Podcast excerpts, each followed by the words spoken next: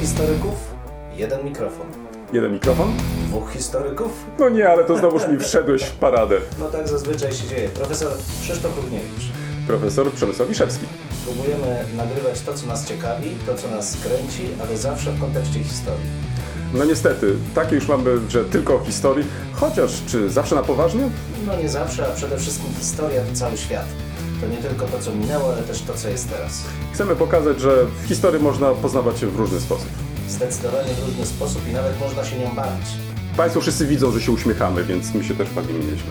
Bardzo dobrze. Dwóch Liczymy historyków, jeden mikrofon. Jeden mikrofon? Dwóch historyków. Zrobiło się bardzo wesoło, teraz nie wiem, czy uda nam się w jakiś sposób także i Państwa zarazić naszą wesołością. Tak, a proszę Państwa, dzisiaj muchy nie ma, mimo wszystko. Tak, to prawda, a poza tym nie wiem, czy wiesz, że właśnie ta mucha chyba tak zaintrygowała nasze słuchaczki i słuchaczy, że mm, chyba tylko dlatego słuchali tego ostatniego O, odcinka. Jak kolega nas nisko ocenia i naszych słuchaczy. No nasi słuchacze słuchają nas, bo uwielbiają dowiadywać się nowych rzeczy o historii. Co do tego nie mam naturalnie żadnych wątpliwości, ale czy aby na pewno chcą się dowiadywać o historii, może powinniśmy więcej takich e, no, żartobliwych elementów wprowadzić do naszej narracji. Następnym razem przyniosę chomika i wpuszczę ci go za koszulę. O Boże, nie, proszę Państwa, to może nie koniecznie tak. E, Nie, nie, kolego, nie, nie, ja się O, wypisuję w takim a, razie. widzisz. A chciałeś element animalny. No dobrze, to skończmy może na tym elemencie animalnym, teraz wprowadźmy element dźwięczący. Tym samym zakończyliśmy tak zwany rozruch. Kolega zaczyna, bo dzisiaj, czy ostatnio ja już zaczynałem od książek. Dzisiaj Tak, kolega. proszę Państwa, ponieważ kolega ostatnio w, nie tylko mnie zaskoczył swoimi lekturami, ale także troszeczkę wywołał u mnie pewien popłoch, bo mm, nie tylko, że, robię popłoch. nie tylko dlatego, że bardzo ciekawe miał lekturę, ale oprócz tego miał je w naturze, to znaczy, jak Państwo być może zauważyli, po tym szeleście kartek, to on faktycznie fizycznie przyniósł te książki, przydźwigał nawet, i nawet nie narzekał, że przez most musiał je przenieść. No, faktycznie musiały go zainteresować, skoro nawet nie zwrócił na to uwagi albo nie przypomniał sobie. Nie chcę być dzisiaj, proszę Państwa, mm, w jakiś sposób y, mm, mu winny, albo też odstawać y, może od jakiejś średniej, którą też i kolega tu narzucił. Wprawdzie nie mogę konkurować z nim objętością, ceną mogę już, a to za chwilę, ale objętością na pewno nie mogę, ale mogę formatem. I do tego będę Państwa za chwilę przekonywać. Pierwsza książka, z której się bardzo cieszę, to książka pracownicy naszego uniwersytetu, socjolożki, Justyny Ka- Kajty, przepraszam, autorkę, Młodzi radykalni, ze znakiem zapytania o tożsamości polskiego ruchu nacjonalistycznego i jego uczestników. Wiesz, dlaczego sięgnąłem po tą książkę? Mm, Wydawnictwo czujesz jeszcze może. młody. Nomos. Nie, nie dlatego. Wiesz, tylko myślę, że chyba dobrą rzeczą jest e, trochę od czasu do czasu sięgać poza te publikacje, które mm, czytamy być może na co dzień. Myślę tutaj o publikacjach historycznych. Wielokrotnie zachęcaliśmy do tego, żeby zaglądać na prawo, na lewo, co inni robią. I tutaj muszę Ci powiedzieć, że mm, autorka w żaden sposób mnie nie zawiodła. To znaczy, znajdziesz tu trochę elementów historycznych, to znaczy takie, które przedstawiają ruch narodowy w Polsce w przeszłości. Ale to, co mnie interesuje szczególnie w tej książce, to przede wszystkim to, w jaki sposób ona pokazuje współczesne problemy, z jakimi jesteśmy, zwłaszcza dzisiaj, konfrontowani, też kiedy na przykład widzimy w kontekście jakichś demonstracji w, z okazji takiej czy innej rocznicy, w, nie wiem, transparenty, takie czy owakie i tak dalej, i tak dalej. I myślę, że mm, jeśli Państwo sięgniecie sobie do tej książki, to znajdziecie sporo różnych przemyśleń, takie, które pozwolą Wam trochę inaczej spojrzeć na po prostu ten ruch, na to, co powoduje, że ci młodzi ludzie, mimo że wydawałoby się, że jest to wszystko przeżytek, że jesteśmy w tej Unii Europejskiej, że raczej powinniśmy mm, nawiązywać do innych wartości, to jednak tutaj jest druga strona medalu. To znaczy, autorka pokazuje, że dla wielu osób po prostu tym elementem tożsamościowym jest dalej naród. To znaczy odwołanie do narodu, także sięganie do takich czy innych y, źródeł. No i myślę, że w tych naszych dyskusjach bardzo mało może uwzględniamy także i te aspekty. To znaczy, może za szybko, w, tak mm, jakby to powiedzieć, rezygnując e, z, nie tylko z poznania pewnej motywacji, ale też e, rozmowy z, z tymi osobami. I tutaj dzięki wywiadom, dzięki takim. Często są to fragmenty bardzo obszerne rozmów, e, które autorka tutaj przytoczyła w swojej książce. No właśnie mamy wgląd, e, co tak naprawdę w tej trawie piszczy, to znaczy jak myślą, jak dyskutują, co powoduje, że na przykład mają takie czy inne zdania. Także gorąco polecam.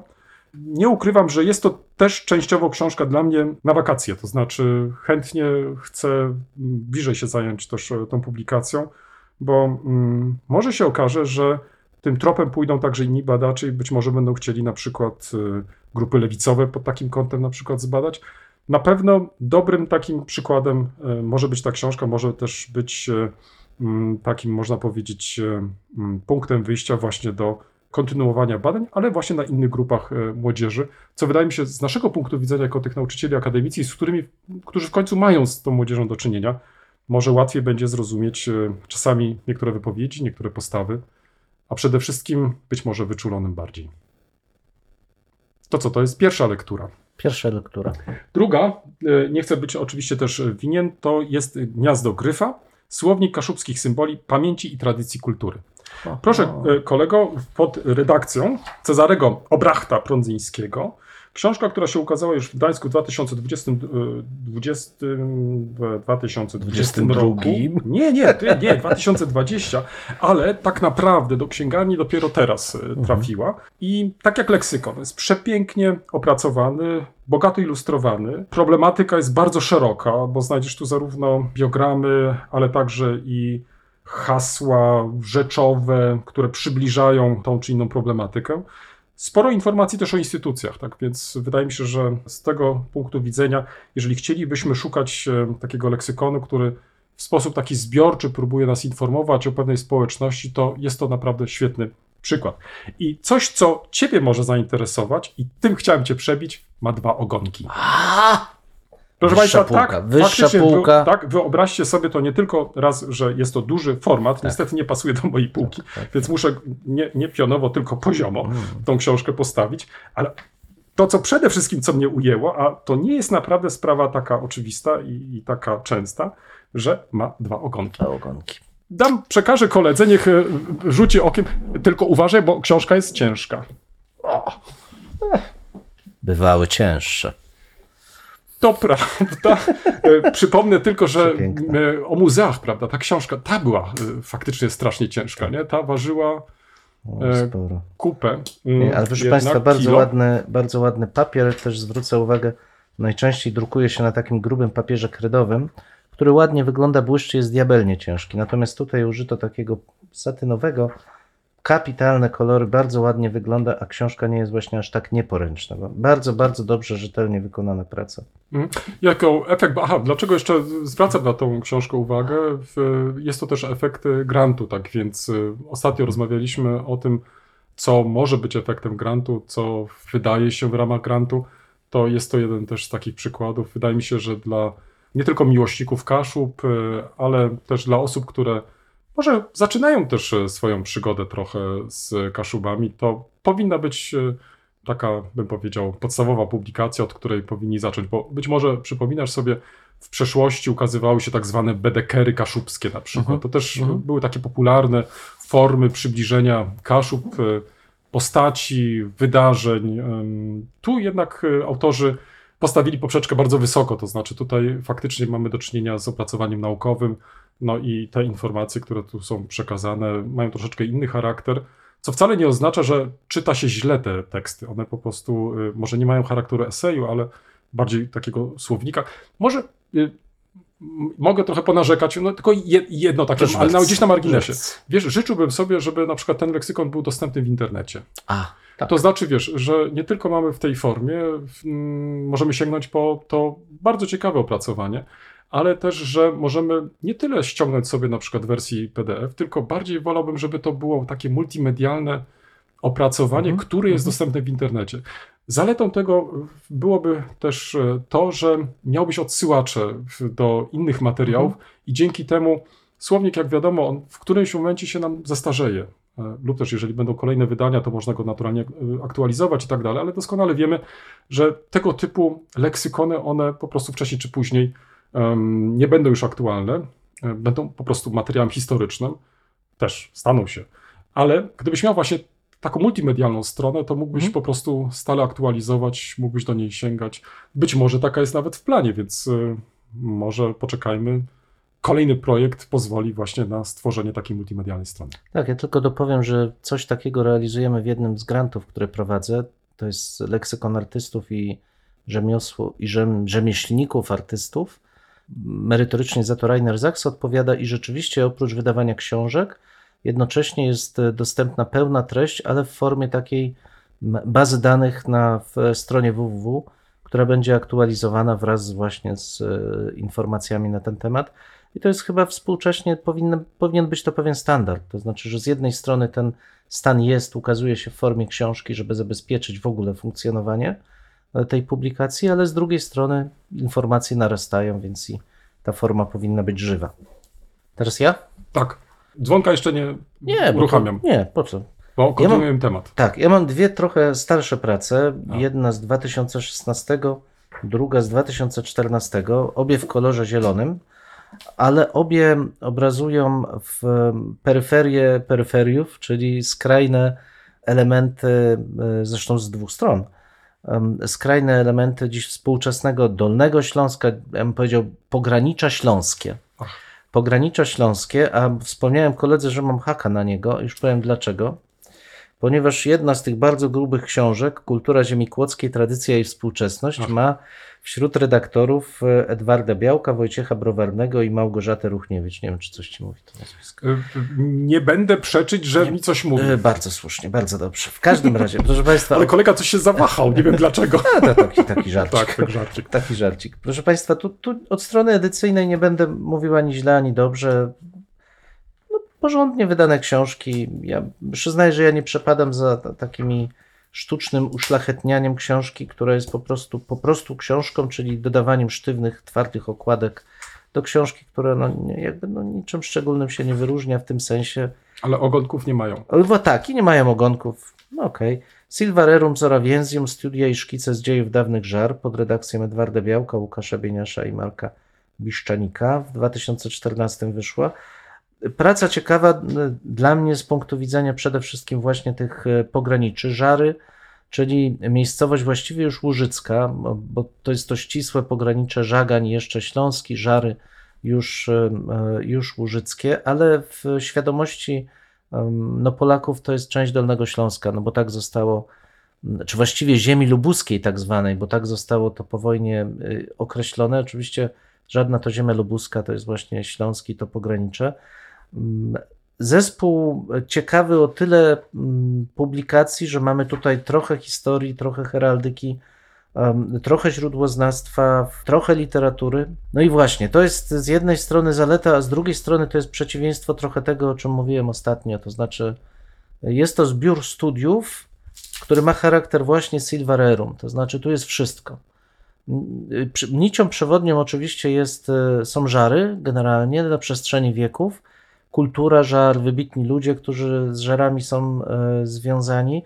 Jeśli ktoś chce mieć taki przekrój przez historię żar, właśnie zanurzyć się w tej rozmaitości, takim patchworku rozmaitych rzeczy, to szczerze polecam, bo e, jest to wszystko, od muzyki przez, e, przez ikonografię, kulturę literacką, po wydarzenia polityczne i życie rodzinne. To może to jest taki Heimatbuch. To do tego przejdę za O. chwilę. To czy tu Heimatbuch, to ja bym nie powiedział, bo jednak Heimatbuch ma sporą kom, taką sporą komponentę przyrodniczą, geograficzną Mhm. przyrodniczą, która Mhm. jakby wprowadza w to.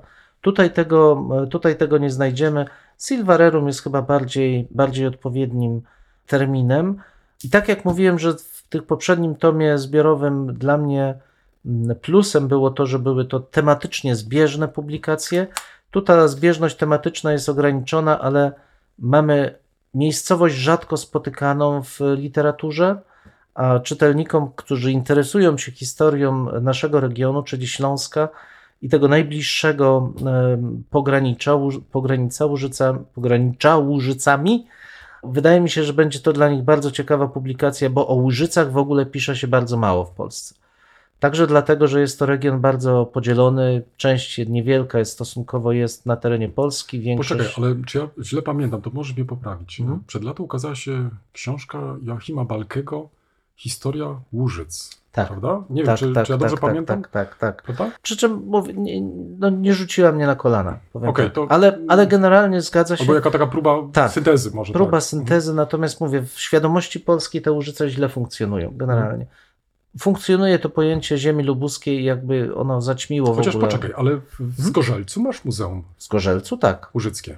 tak. Po drugiej stronie sprawdzie Śląskie. Szlezisches Muzeum, tak. Dokładnie. więc tutaj mamy Znaczy, to raczej taki do świetnie czynienia, powiedziałbym, po, pokazuje imperialne tendencje obu stron. Tak, tak obu stron, tak. To Tak. znaczy pewnej rywalizacji wręcz nawet. tak, tak, e, tak, tak. Przedzielonej tony są. No bo Zgorzelec jakby nie było jest jednym z tej e, Ligi Miast e, Łużyckich i to i najważniejszym obok Gubina między innymi, więc powinien jakby być doceniony jako miasto łużyckie. A Görlitz z drugiej strony pokazuje, że to jest część Śląska, która została w Niemczech, choć ten Śląsk XIX-wieczny. No, ale przecież tak pamiętasz, że jak jedziesz na przykład w kierunku Wrocławia, jeszcze jesteś po stronie niemieckiej, nie przekroczyłeś Gerlitz, e, to dowiadujemy się tam gdzieś, nie wiem, z 20 kilometrów przed chyba Gerlitz, że właśnie w tym miejscu przekraczamy granicę Śląska. Tak, tak, tak, tak, tak, tak. Już tak na marginesie, jako anegdotka, to opowiadano mi wielokrotnie, że tam zatrzymywały się wycieczki niemieckie, żeby zrobić sobie z tym niemieckim napisem Schlesien zdjęcia i tak dalej, i tak dalej. No to jest, są to te tęsknoty na, narodowe, o których może będziemy mówić jeszcze dalej e, za chwilę,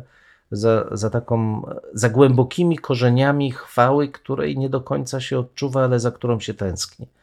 Druga książka natomiast właśnie bardzo duża, Kultura ziemi kłodzkiej, tradycje i współczesność, bardzo ciekawa, e, też ma charakter trochę takiego silvarerum, Um, natomiast jest nieco lepiej uporządkowana. Mówię nieco, bo jednak tego uporządkowania trochę mi tutaj też e, zabrakło.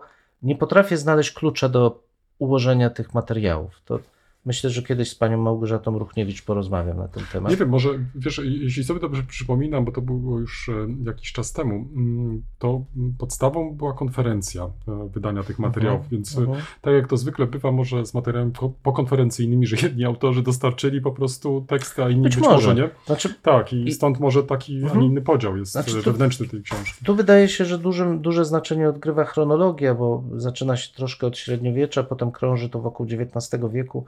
Dużą część zajmuje, zdecydowaną większość po 1945 roku, ale nagle ni z gruszki, z pietruszki pod koniec jest Kłodzko i okolicy w listach Johna Quincy Adams. No ale okej, w każdym razie też bardzo chciałbym polecić, także ze względu na to, że mamy tutaj pewien przekrój, natomiast moim zdaniem trochę temat, trochę taki mylący jest tytuł książki, bo kultura ziemi kłodzkiej sugeruje syntezę jednak mimo wszystko. Podtytuł Tradycja i współczesność niewiele mówi. Natomiast to by sugerowało, że mamy tutaj syntezę, no żadną miarą syntezą to to nie jest. To jest jednak zbiór niektórych bardzo ciekawych, e, wręcz czasami zapomnianych, mm, zapomnianych tematów. Em, Natomiast synteza chyba nie. Wartością tej pracy niewątpliwie jest to, że rzeczywiście odsłania elementy, zwłaszcza te po 45, chyba w zasadzie kompletnie nieznanej XIX, XIX wieku. Takie, no, no nie wiem, pod kłodzką strzechą o zadomowieniu polskich pisarzy ziemi kłodzkiej. Nic nie potrafiłbym powiedzieć. Ziemia kłodzka w opowiadaniach ludowych.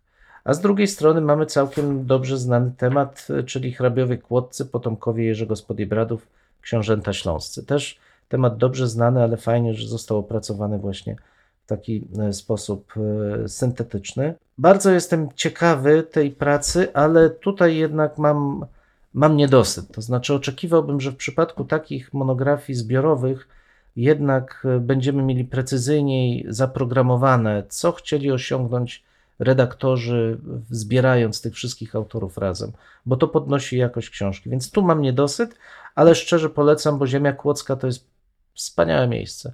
Zwłaszcza teraz przed wakacjami. O, też. zwłaszcza ta... A właśnie, bo tak, można sobie zaordynować jako wprowadzenie tak, to właśnie przecież wiesz, góry do... stołowe i tak na- dalej. Przecież, Nie, no, e, tutaj mamy tak. też bardzo ciekawy artykuł, żeby było jasne, o znaczeniu młyna papierniczego w Dusznikach Zdroju dla Zdroju, kultury. Jak najbardziej. Tak. Wspaniałe muzeum w Dusznikach Zdroju. Nawet samo Kłodzko, państwa- czy Byszczyca Kłodzka i tak, tak, dalej. Także Georg Wencel jako kronikarz Mm. dziejów Polanicy Zdroju. Też bardzo serdecznie zapraszam naprawdę do czytania. I Podsumowując, kolega tutaj zaproponował nam e, Kaszuby, to absolutnie nie są peryferia, to jest Wiadomo, to jest... Nie, z drugiej strony ja chcę ci Centrum? tylko powiedzieć, że wszystko co najlepsze powstaje na obrzeżach. Tak, i właśnie do tego chciałem nawiązać, że ja uwielbiam, proszę Państwa, uwielbiam e, zanurzać się właśnie w te historie lokalne, przede wszystkim dlatego, że one są tak odmienne, że one nie wpisują się w mainstream, który konstruuje się najczęściej z tych historii wielkich społeczności, ale właśnie są odmienne, kolorowe, ciekawe, inne po prostu, więc serdecznie Państwu polecam. To co, mnie nie pozostaje nic innego jak e, chwycić za dzwonek. e, Tak, Dzwoń, tak, dzwoń, i dzwoni. Ach, I teraz e, przechodzimy do głównego naszego tematu. Kolega naraził mnie na... No właśnie, ja dzisiaj naraził jadę do. mnie, no. Nie no, ja dzisiaj jad- jadę do Wrocławia i, i pierwsze co robię, to, to sprawdzam pocztę, później w następnej kolejności Facebook, a na koniec Whatsappa i widzę tutaj informację od kolegi, którą pewnie w nocy mi przesłał. Ja na szczęście włączyłem sobie modus nocny i nikt nie jest w stanie już po prostu obudzić. Um, więc To Będę częściej pisał w nocy. nie, trafiłem Tak. po prostu na, na, jadąc na, na, na ten wpis. Boże, skradłeś mi kilka godzin. No godzin to przesadziłeś, ale minut tak. No, nie będę sprawdzać, co tam napisałeś, no ale w każdym razie no, wyszło na to, że w, jesteś strasznie na mnie obrażony. No. No strasznie obrażony. Ale wiesz co, no to może wyjaśnijmy, dlaczego y, akurat y, to- ta lektura wywołała u ciebie y, takie, może, poirytowanie. O, o. O, prze, zacytuję. Przeczytałem. No jesteś mi winien trochę życia, straszny gniot, nawet jeśli w sprawie historii ludowej prawie się zgadzam. o proszę, no i proszę Państwa, no jakby się Państwo odczytali taki wpis, kiedy jedziecie autem, jesteście myślami gdzie indziej, a tu proszę, no tak, no, więc ja się zgadzam z tym, że nie powinno się czytać po prostu w trakcie jazdy. Nie powinno się czytać, Nie. bo to powoduje nerwy. No Tak. ale proszę Państwa, rzecz idzie o pewien artykuł. Nie będziemy z nazwiska wymieniać, Nie, bo to nie, absolutnie nie, o to chodzi. Raczej chodzi o, o, O pewną sprawę. tendencję i o sprawę, który omawiając właśnie wspomniane już e, publikacje z zakresu tak zwanej historii ludowej, do której wielokrotnie tu tej tendencji krytycznie się odnosiliśmy, jednocześnie czyni z tego taką polityczną e, recenzję współczesnej kultury polskiej. Tak, tak. No, I robi to w sposób tak, no. bardzo toporny, moim zdaniem. No, powiedziałeś toporny, to tak y, bardzo delikatnie to określiłeś, to, toporny, ale to tylko w, przez wzgląd na Państwa uszy, bo, bo tutaj faktycznie można byłoby użyć innych określeń. Natomiast y, nie wiem, czy mm, dobrą metodą jest przeciwstawiać jeden sposób patrzenia na przeszłość y, drugiemu, Mhm. bo mm, nawet jeżeli przekonujemy do naszego sposobu patrzenia, to jednak y, musimy się mm, w jakiś sposób y, też uporać, że, albo inaczej, zaakceptować, że mogą być też inne zdania. Mhm. E, I tego niekoniecznie musimy oblewać sosem politycznym, Mhm. bo mnie się wydaje, że największym problemem dzisiaj, z którym jesteśmy konfrontowani, nawet jeżeli krytycznie wypowiadamy się o takim czy innym spojrzeniu na przeszłość, to raczej to traktujemy mm, jako zachętę do dyskusji, do debaty. Mhm. Bo, bo możemy się spierać i powinniśmy się spierać, natomiast e, nie doszukujemy się tutaj od razu jakiegoś takiego politycznego podtekstu. Natomiast w tym tekście jest to bardzo widoczne. To znaczy, jest kreowana jedna wersja historii Polski, do tego jeszcze katolicka. Ja cały czas zastanawiałem się, jak czytałem ten tekst, czy można w sposób tak e, linearny, wręcz od e, najdawniejszych naszych czasów, pociągnąć tą nitkę, gdzie po drodze mieliśmy i Rzeczypospolitą wielu narodów i tak dalej. I wydaje mi się, że, że tą cechą charakterystyczną naszej przyszłości była ta wielość, to znaczy, która być może dzisiaj nie jest w cenie, ale, e, ale to wcale nie oznacza, że nie powinniśmy do tego się odwoływać, nie powinniśmy tego przypominać. I, i tego mi zabrakło, muszę ci powiedzieć. Tak, to znaczy ta idea, która jest tam przedstawiona, jest, przepraszam, prosta jak budowa cepa. To znaczy jest, przychodzi chrześcijaństwo gdzieś tam pod koniec e, drugiej połowy X wieku i w tym momencie powstaje Polska dzięki chrześcijaństwu. To jest wręcz dosłownie powiedziane, że dzięki temu zrośnięciu chrześcijaństwa z czymś, z władzą Piastów powstaje Polska, bo po raz pierwszy pojawia się jeszcze w żywocie świętego Wojciecha nazwa. I w rezultacie Polska, Polska chrześcijaństwo to to samo i w zasadzie bez chrześcijaństwa Polski nie ma. Polska jest wzmacniana chrześcijaństwem. I jakoś dziwnym trafem pomija się Ormian, dziwnym trafem pomija się cały komponent żydowski, pomija się paradoksalnie Tatarów polskich, Hmm. Karaimów, Tak. wszystkie te mniejszości, które w, zachowując, starając się zachować swoją kulturę, były bardzo silnie związane z Rzeczpospolitą w tym e, okresie przed, e, przedrozbiorowym, ale też i w okresie międzywojennym. Przecież mimo wszystko siła polskiej kultury polegała na Tuwimie. Nie tylko na w osobach, które zmieniły, e, zmieniły swoje przekonania religijne, Słonimskim. Mówienie, że polska kultura to chrześcijaństwo, oczywiście byłoby uproszczeniem twierdzić, że z drugiej strony, i to jest właśnie to niebezpieczeństwo, o którym za chwilę, czy o którym ty też wspominałeś, Mhm. że kultura polska w żaden sposób nie jest związana z chrześcijaństwem. Absolutnie nie. Chrześcijaństwo stanowi bardzo mocny, bardzo wyrazisty składnik polskiej kultury, ale niedostrzeganie właśnie tych niuansów no, sprawia, że mamy do czynienia z nawet nie z uproszczonym, z takim, przepraszam, dość prostackim konceptem na historię. Paradoksalnie wygląda to trochę tak, jakby autor tego artykułu, krytykując właśnie dokładnie te uproszczenia, takie prostackie znowu wizje tych, którzy chcą widzieć Sam tą... wpadł w tą pułapkę. Dokładnie, przeciwstawił Mm. dokładnie takim. Mm. Bardzo źle to się czyta. To prawda, tym bardziej, że mamy tutaj do czynienia jednak mimo wszystko z bardzo wytrawnym historykiem. Tak. To Mhm. też nie można Mhm. tego w żaden sposób e, e, negować, chociaż tu bym za, zaczął się zastanawiać, czy mm, mamy dzisiaj możliwość powrotu do sytuacji, która na przykład była charakterystyczna dla historyków XIX czy nawet pierwszej połowy XX wieku. Mówiliśmy o nich e, jako o polhistorach, to znaczy takich, którzy potrafili ogarniać e, różne epoki, pisać z, z dużym znawstwem o tych epokach. No stąd mamy te syntezy jednoautorskie na przykład i tak dalej. Ale nawet em, sięgając do takich syntez, chociaż może za chwilę o jednej, która może nie do końca pasuje, to jednak wydawało mi się, że zawsze była taka próba zmierzenia się z tą różnorodnością, znaczy pokazania tego bogactwa, żeby podkreślić, że ta historia nie jest jednowymiarowa. Bo sprowadzenie tylko do jednego wątku sprawia, że musimy niestety upraszczać, to znaczy musimy redukować. Wyrzucamy te tematy, które nie pasują, ale w ten sposób e, zubażamy strasznie tą naszą po prostu narrację. Spotkałem się z czymś takim. Muszę ci powiedzieć, Mhm. że w okresie komuny, nazwijmy to tak umownie, dostęp do książek, które były wydawane na emigracji, nie był taki łatwy. Część z nas miała oczywiście dostęp do chociażby mm, publikacji drugobiegowych, jeszcze inni mogli korzystać e, mm, dzięki uprzejmości znajomych, takich czy innych. I muszę ci powiedzieć, wtedy z wypiekami na twarzy przeczytałem książkę Oskara Haleckiego, Historię Polski. I muszę ci powiedzieć, że być może to było związane z sytuacją, z atmosferą lat 80., krótko po stanie wojennym. Była cały czas jakaś taka albo może inaczej, wisiało trochę w powietrzu coś takiego, że ta historia narodowa, ona jest zagrożona, że, że, że po prostu trzeba ją poznawać, że to jest, są ci komuniści i tak dalej. Wiesz, ja czytałem tą książkę, muszę ci powiedzieć, z wypiekami na twarzy. To, to już mało, że przeczytałem jednym tchem i tak dalej. Ale sięgnąłem do tej książki po wielu latach. Ja nie jestem w stanie przeczytać jeszcze raz tej książki. To znaczy, ona mnie odrzuca. To znaczy, y, jest to taki bardzo uproszczony schemat tych dziejów Mhm. Polski. Do tego jest, y, są wybrane tylko jedne, ta- takie, a nie inne elementy. Oczywiście chrześcijaństwo tam dominuje jako ten element spajający, ale dzisiaj to jest dla mnie za mało. To znaczy, ja bym oczekiwał, nie negując w żaden sposób y, y, roli i znaczenia chrześcijaństwa, chciałbym dowiedzieć się też, mm, czy to była jedyna droga, czy też po prostu były różne drogi. Chociaż można powiedzieć, chrześcijaństwo mogło być dominującą. Ale tu widzę jeszcze inny problem, wiesz, to znaczy, i boję się, że to może ostatecznie też spowodować tworzenie także wśród naszych koleżanek i kolegów tych kolejnych baniek, to znaczy, w których się będziemy być może po- poruszać.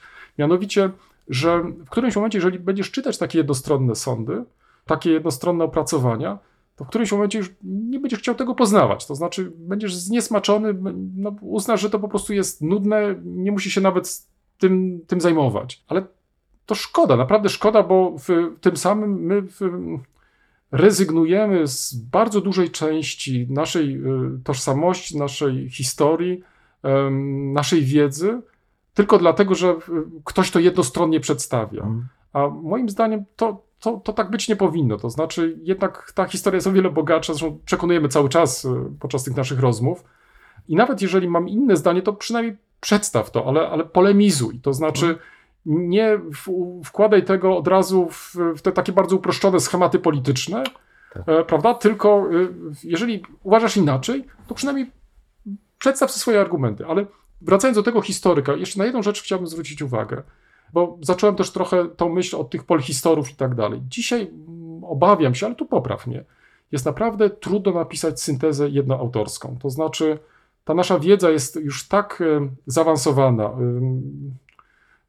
No nie wiem nawet, czy jest takie oczekiwanie, że jeden autor napisze dzieje od czasów najdawniejszych ze znawstwem dla każdej z epok po czasy współczesne. Chyba istnieje także i w naszym zawodzie daleko idąca już specjalizacja. To znaczy, że zajmujemy się na przykład XIX wiekiem, XX wiekiem. W Twoim przypadku to będzie średniowiecze, no może jeszcze możesz sięgnąć do jakichś tam wcześniejszych okresów. No ale czy chciałbyś pisać na temat XIX, XX wieku? No może, jeżeli musisz napisać, to pewnie napiszesz, ale nie wiem, czy sprawiałoby Ci to ogromną e, przyjemność. Dlatego prosimy o pomoc koleżanki, kolegów, żeby specjalistów, żeby nam, nas po prostu wsparli, żeby e, wspólnie na przykład napisać e, takie czy inne opracowanie. I teraz wracając do właśnie tego historyka, nie wiem, czy to też nie jest tak, że ponieważ piszę historię wielotomową, czy, no, czy, czy, to, czy to, to należy traktować poważnie? To znaczy, y, na ile y, jest to książka, czy też seria książek, która faktycznie no, zmieni to nasze patrzenie na, na przeszłość, jeżeli jednak mimo wszystko jest to książka z tezą. To znaczy, oczywiście ja się zgadzam z tym, że pisanie syntezy to też jest duży wybór, to musi być jakiś leitmotiv, to musi być jakiś element, który się pojawia, ale jeżeli zredukujemy te, te, te tomy do tej wypowiedzi, jeżeli na tym ma polegać cały program, no to mało mnie to interesuje, szczerze mówiąc. No tu dotknąłeś wielu tematów ciekawych. E, Chyba najważniejszy z nich, pomijając ten wątek wielu epok, którymi się zajmujemy, bo to, do niego jeszcze wrócę, ale najważniejszy z nich to jest specyfika komunikatu.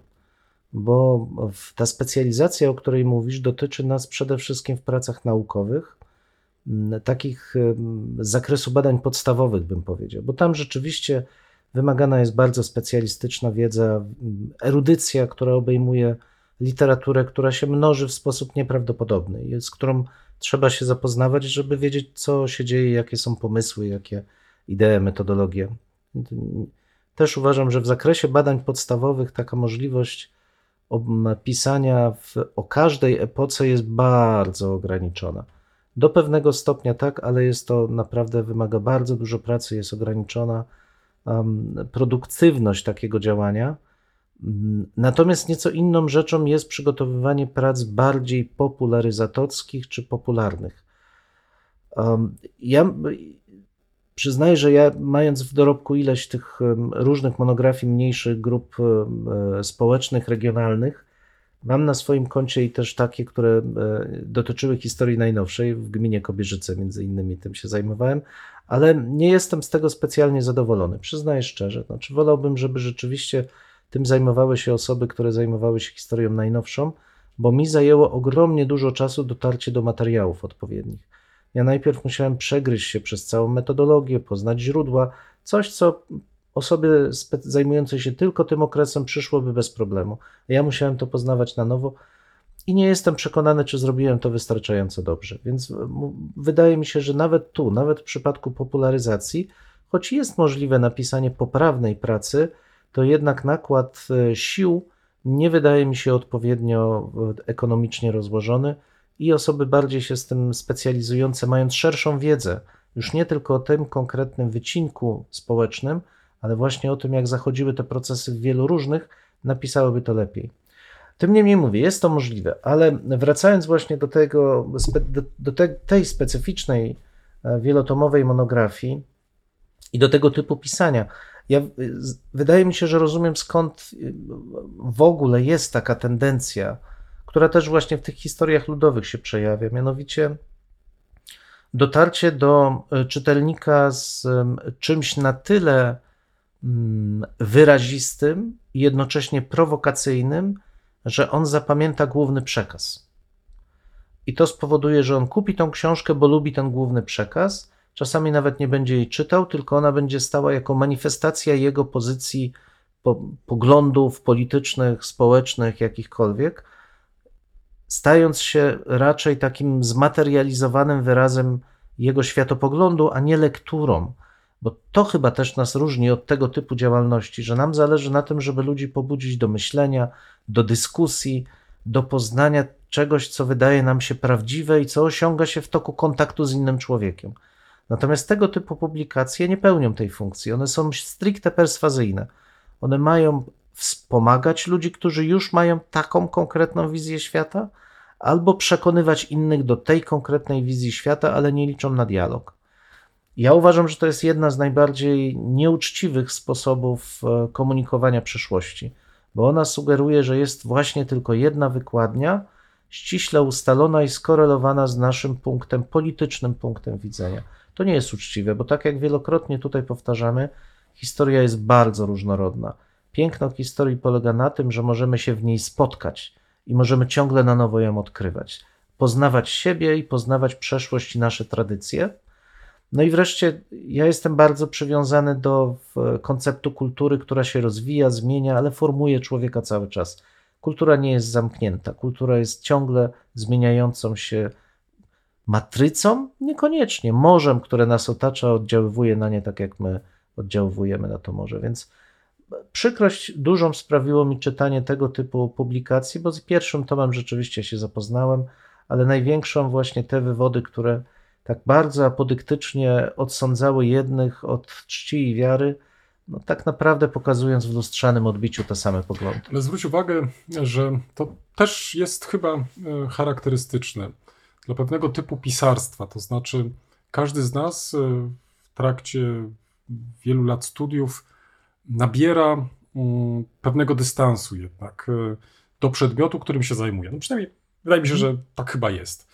I pisząc, nawet e, starając się stworzyć jakąś syntezę, zastanawiamy się, jak to pokazać, co wybrać.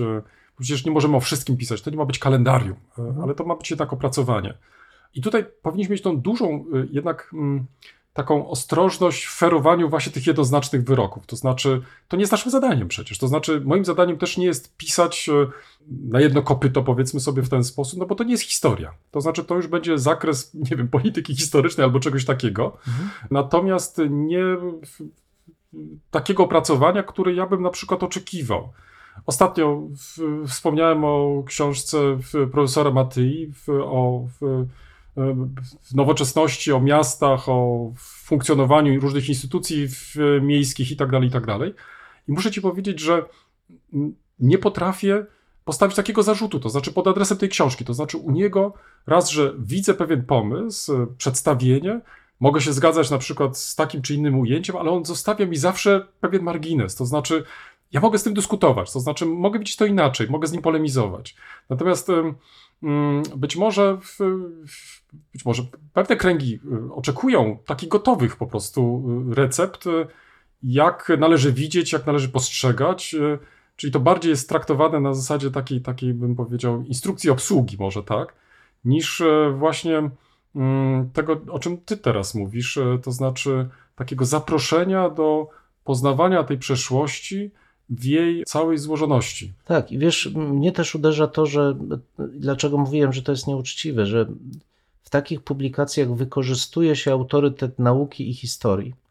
Ten ktoś podpisuje się nazwiskiem, które wypracował jako naukowiec i sugeruje w związku z tym, że te prace są tej jakości, jaką zapewniał kiedyś publikując jako naukowiec. Jego autorytet opiera się na tym, że kiedyś publikował prace naukowe. Czyli właśnie pokazujące zgodnie ze źródłami, z metodą, w sposób zróżnicowany, otwarty, dyskursywny, pewną wizję mm. rzeczywistości. I teraz ktoś, kto bierze tą książkę, ma prawo oczekiwać, że skoro tym autorytetem ona jest firmowana, to właśnie taka jest, a nie jest. Dlatego dla mnie to jest nieuczciwe. Znaczy, to jest książka, tego typu książki są, mogą być książkami rewolucyjnymi, one oddają ducha rewolucji, wzniecają tą rewolucję, bronią, są apoteozą w przypadku prześladowań, różne mogą pełnić funkcje, ale są nieuczciwe, jeśli sugerujemy, że to są książki naukowe, za nimi stoi jakiś aparat naukowy, jakieś doświadczenie naukowe, bo co często powtarzam, autorytet nauki jest kruchy, ale opiera się na tym, że wierzymy, że ona dąży do prawdy. Jeśli to zaniedbujemy, no to tak naprawdę sprzedajemy fałszywy towar, sugerując, że jest to coś, co opiera się o naukę. Ale chcę wrócić do jednego wątku, który podjąłeś. e, To znaczy, że warto może czasami zrobić krok w tył. To znaczy, nawet e, jeśli myślimy, że jesteśmy w stanie na taki czy inny temat napisać, to, to może ten nakład pracy, który mu- musielibyśmy na to poświęcić, po prostu jest niewspółmierny do, do efektu, lub też ten efekt e, nie do końca będzie zadowalać po prostu Mhm. czytelników. Nie wiem, czy ci opowiadałem, ale ja popełniłem raz tekst e, z okresu średniowiecza. Mianowicie, Tak jest. To, Dzisiaj jest Dzień Wyznań. Proszę pana, tak, ale o, to mo, może dlatego właśnie, no, nie wiem, atmosfera jakaś taka się zrobiła. Ym, Mianowicie zaproszono mnie do napisania artykułu na temat y, średniowiecznych ratuszy. Ukazało się to po niemiecku, ale powiedziałem po raz pierwszy i po raz ostatni.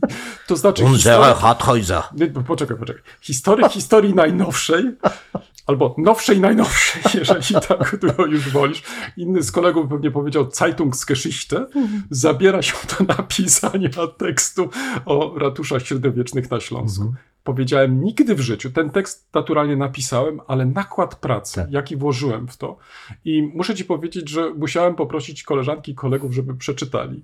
Oczywiście od danej epoki, czy no, nie wygłupiłem się i tak dalej, ale powiedziałem, że nigdy więcej się już nie zabiorę za tego rodzaju teksty, bo raz, nie mam kompetencji, dwa, nie mam tego przeglądu literatury, który byłby tutaj konieczny, no i trzy, czy ja wiem, czy trzeba się koniecznie ośmieszać na własne życzenie.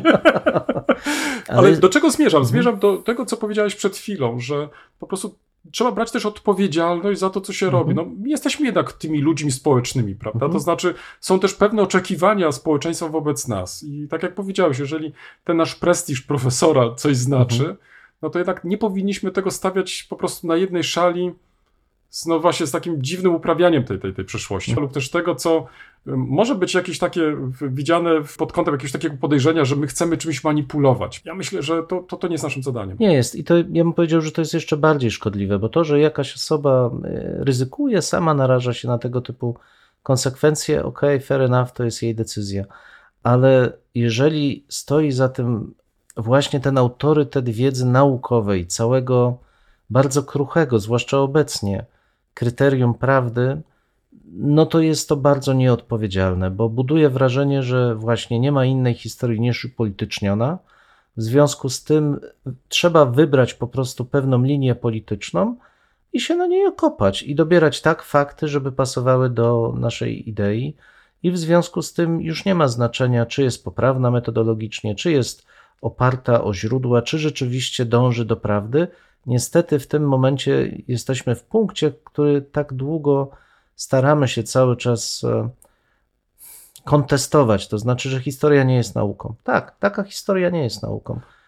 Jest jeden wątek, który może warto byłoby podjąć, ale może zostawmy to na nasze następne spotkanie, mianowicie o krytyce e, naukowej, bo jednym z takich elementów chyba, który w ostatnich latach został bardzo Mhm. taki, no bym powiedział, troszeczkę zaniedbany, to Mhm. właśnie taka y, sensowna krytyka, ale nie ad personam, czyli Tak, bardzo tak, dziękuję tak, Ci, że tak, nie tak. wymieniłeś autora tego artykułu, bo przecież tam nie chodzi o autora, Dokładnie to nie dobrze tak. może być taki czy inny Tak jest. jeżeli pisze po prostu, no, albo mówi głupoty, no to mój Boże, no to naszym zadaniem jest y, no jednak zwrócić na to uwagę, ustosunkować się jakoś do tego, nie pozostawić tego bez komentarza. I myślę, że coś jest chyba nie tak z tą y, właśnie krytyką naukową, że w jakiś sposób nie potrafimy zareagować. To znaczy, i nawet nie w sensie takim, że, że piętnujemy takiego czy innego autora, bo to dla mnie to jest Nie. obojętne.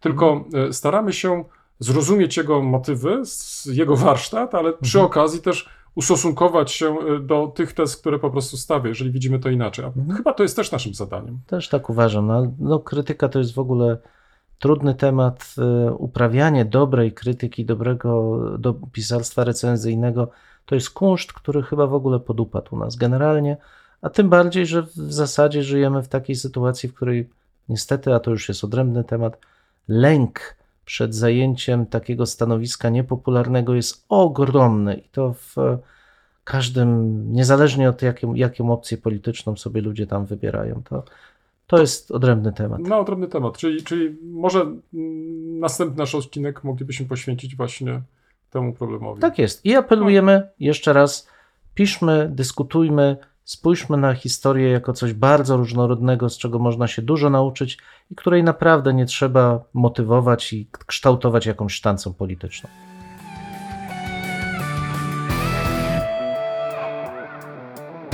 W tym miejscu stawiamy kropkę lub też jak to woli kropkę nad i. No, mamy nadzieję, że to nie jest koniec, że to jest początek Waszych dyskusji. Mam nadzieję, że Was zaciekawiliśmy. Prosimy o komentowanie naszych zmagań z historią. Poniżej zdjęcia jest wystarczająco dużo miejsca. I pamiętajcie, nie regulujcie odbiorników. No, my naprawdę tak brzmimy. E, tak, chociaż być może czasami e, może trzeba ściszyć. No może czasami ten nasz rechot by się przydało wyciąć nawet. Dwóch historyków, Jeden mikrofon, jeden mikrofon. dwóch historyków. 5.